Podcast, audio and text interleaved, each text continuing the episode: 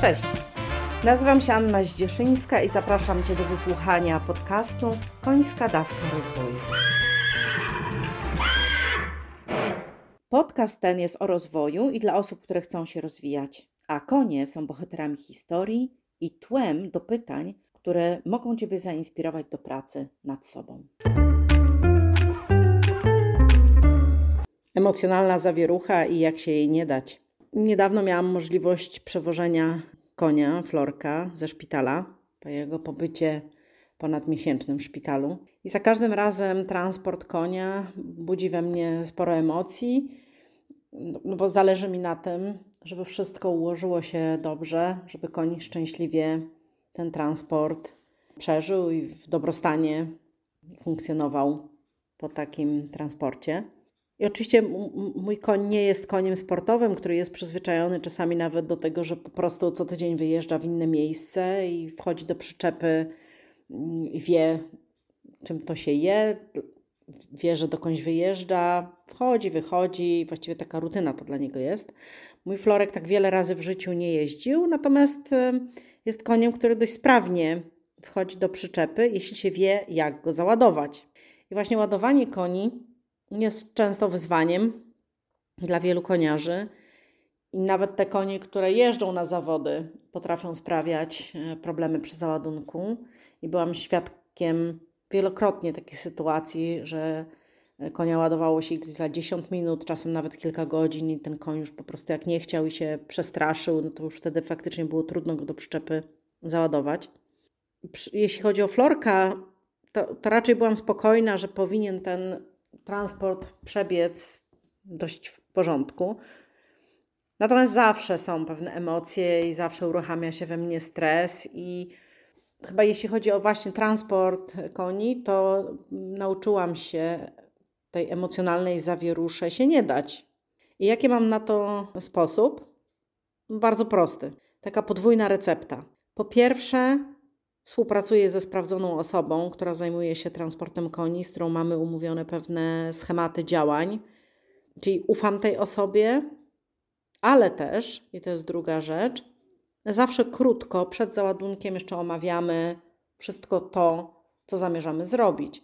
U nas procedura jest bardzo prosta, że mm, koń wsiada do przyczepy, a tak z tyłu lążą jest podtrzymywany, ja wprowadzam konia, a ta osoba podtrzymuje z tyłu tego konia lążą, czyli tak zapiera, e, czy tak przymyka drogę odwrotu koniowi. I Florek wchodzi tak, że najpierw spogląda na przyczepę i się zatrzymuje i ja wiem, że trzeba mu chwili czasu, żeby sobie popatrzył. Potem idzie kilka kolejnych kroków i jeszcze sobie patrzy, a potem już po prostu wchodzimy.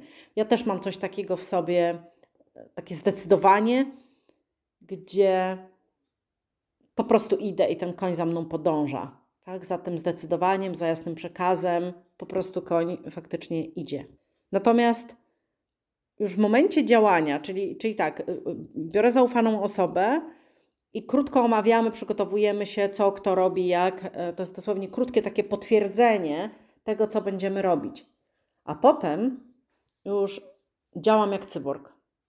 W ogóle wyłączam emocje, po prostu wiem, jaka będzie procedura, wiem, że się siwy zatrzyma, wtedy mówię, dobra, dajmy mu chwilę, on znowu idzie kawałek, dajmy mu chwilę i potem wsiadamy. Zresztą podobnie mm, ładowaliśmy już kilka lat temu poezję, jak wracała do mnie tutaj do, do stajni, w której teraz stoję.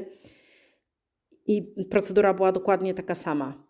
Czyli zaufana osoba, krótkie przygotowanie i potem odłączenie wszelkich emocji, jakbym była cyborgiem. Bo wiem, że w sytuacji mojej rozsypki emocjonalnej natychmiast by to przeszło na konia, no i sytuacja by się bardzo utrudniła, utrudniła tak? I bym miała problem z załadowaniem konia.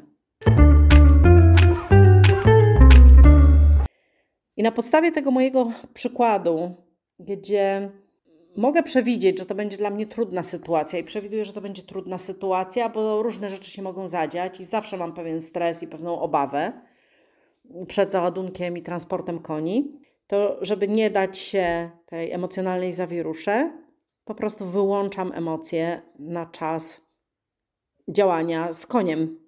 Tak? Przed trochę się denerwuję, po czasami też jakieś tam emocje jeszcze schodzą, natomiast w trakcie faktycznie skupiam się na takim działaniu jakbym w ogóle, jakby mi odcięło mózg emocjonalny, robię pewne rzeczy w pewnym też schemacie i nie dopuszczam do siebie tych trudnych emocji.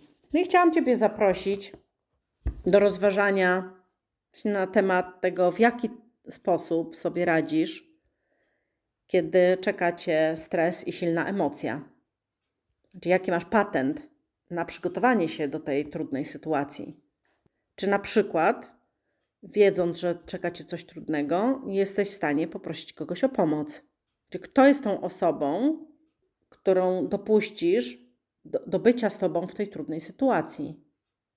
Jak na takie trudne sytuacje się przygotowujesz? Zapraszam Ciebie do rozważań i dzięki za dziś. Pozdrawiam serdecznie. Cześć.